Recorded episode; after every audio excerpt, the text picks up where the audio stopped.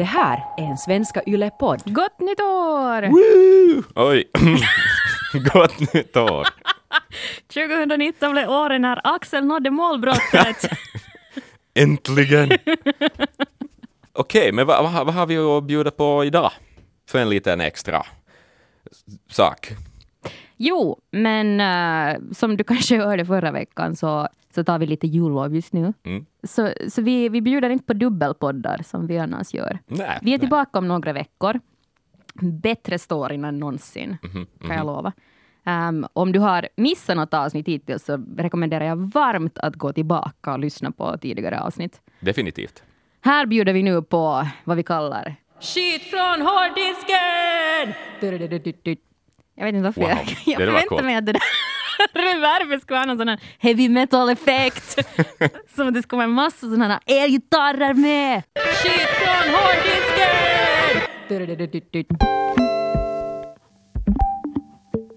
Det måste jag också säga med de här berättelserna som, som du hör varje vecka.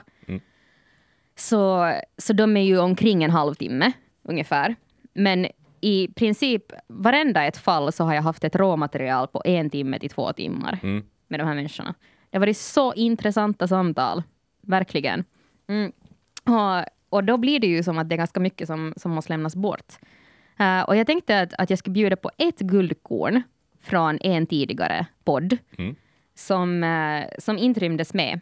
För att det har kommit ganska mycket feedback av eh, alltså folk som har lyssnat på de olika, de olika versionerna. Mm. Och ett av de avsnitten som, som väckte mest diskussion så där via att folk har hört av sig var faktiskt eh, avsnittet med din kompis Andreas, Mm. patologen Andreas. Eh, det här var ju ett avsnitt som, det här var faktiskt med helt från början nästan, Ja. den här idén. En man som jobb, har jobbat med att alltså skära upp döda kroppar. Om inte du har lyssnat på det här avsnittet, så gå tillbaka och lyssna. Det kanske inte fick lika mycket uppmärksamhet som vissa andra, men det är absolut ett av de mest intressanta, Ja, herregud. Vi har Absolut. gjort. Ja. upplever jag. Ja. Eh, och där fanns en del som, som jag ville ha med, men som bara inte passade sen till slut.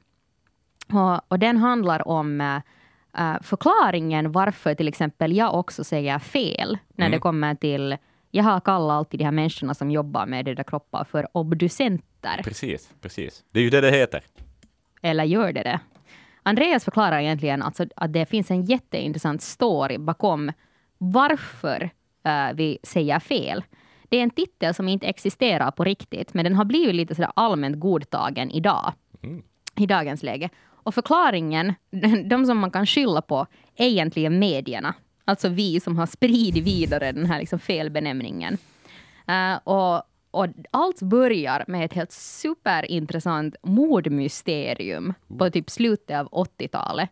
Eh, och, och Andreas förklarar varför vi säger obducent i dagens läge och hur det här mordmysteriet påverkar varför vi säger fel i dagens läge. Nej, därför att det finns ju ingenting som heter obducent egentligen. Det finns ju, det finns ju tre personer som är delaktiga i en obduktion. Det finns ju, det finns ju patologer som har hand om människor som har dött på naturlig väg. Så finns det ju rättsläkare som, eh, eh, som gör obduktioner på folk som har dött av brott och olyckor. Och sen så finns det eh, Sen så finns det obduktionstekniker som ibland, som då är oftast specialutbildade sköterskor som hjälper till med liksom förberedelser och även har hand om balsamering och, och sådana saker. Wow. Så det finns egentligen ingen, em, finns ju egentligen ingen yrkeskategori eller titel som heter obducent. Det var ju ett, i Sverige, vi är ju lite för unga för det, jag minns det precis, men i Sverige 1986 så var det ett, här i Stockholm ett väldigt uppmärksammat eh, styckmord eh, på en prostituerad kvinna som heter Katrin da Costa. Det här var lite speciellt därför att i närheten av Karolinska, nere vid backen där, så finns det ett vatten och där nere hittades ju säckar med hennes kroppsdelar. Då.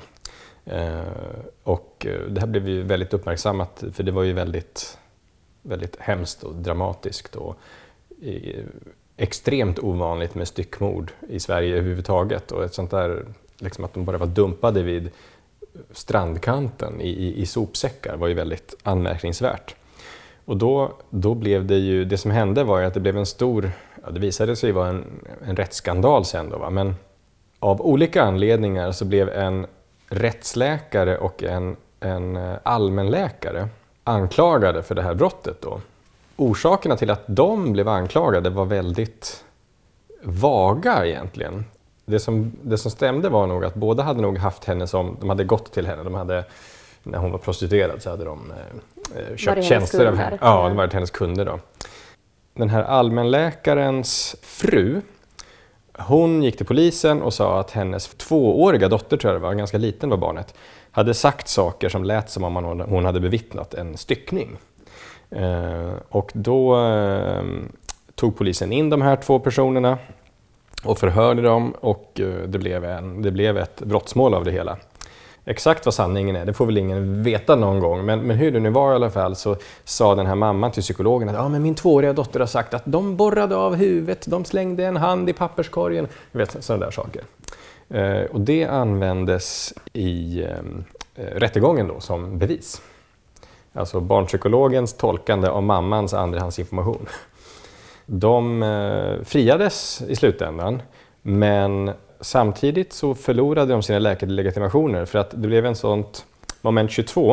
Eh, när rättegången var klar hade det gått många år. Då sa rätten så här, ja, vi, vi kan inte utesluta att ni har styckat kroppen, men det finns inga bevis för att ni har mördat henne. Eh, Men styckningen, brott mot griftefriden, det brottet var preskriberat. Så de dömdes inte för någonting. Men de förlorade ändå sina läkarlegitimationer. Det jag skulle komma till var att i media då så benämndes de här två obducenten och allmänläkaren. Så, så blev, blev rättsläkare och patolog, fast de har olika uppgifter, och obduktionstekniker, det blev liksom, smältes ihop till ett uttryck då, obducent. Okej. Fast det egentligen inte riktigt eh, finns ett sånt, eh, eh, en sån yrkestitel. Fattar så sjukt. Det är hemskt spännande. Ja, Alltså, och det här är ju just sån där som man blir en gladare människa av att veta om sådana här saker. Alltså, jag älskar trivia, jag lever för trivia. Alltså sådär att kommer det här någon gång i ett pubquiz så har man svaret. mm. jag blivit jättenoggrann med att just säga patolog Ja. istället för obducent efter det här. Exakt. Ja. För det är liksom bara helt olika saker. Och just obduktionstekniker då möjligtvis. Eller Ja. preparator som jag, han kallar sig, som jag talar med. Ehm, men hej, gott nytt år på dig. Ja, herregud. Vi är tillbaka eh, nästa vecka igen med, eh, med lite specialavsnitt. Mm. Och nästa vecka kommer vi faktiskt prata om sociala medier. För att ehm, vi har ju snackat mycket om eh, att Axel har gjort en massa skit under hösten. Mm. Ja, experimentera lite. Testa på saker. Så nästa vecka får du höra om ett experiment som inte har hörts tidigare. och sen är Imperfekt tillbaka i sin dubbelordning.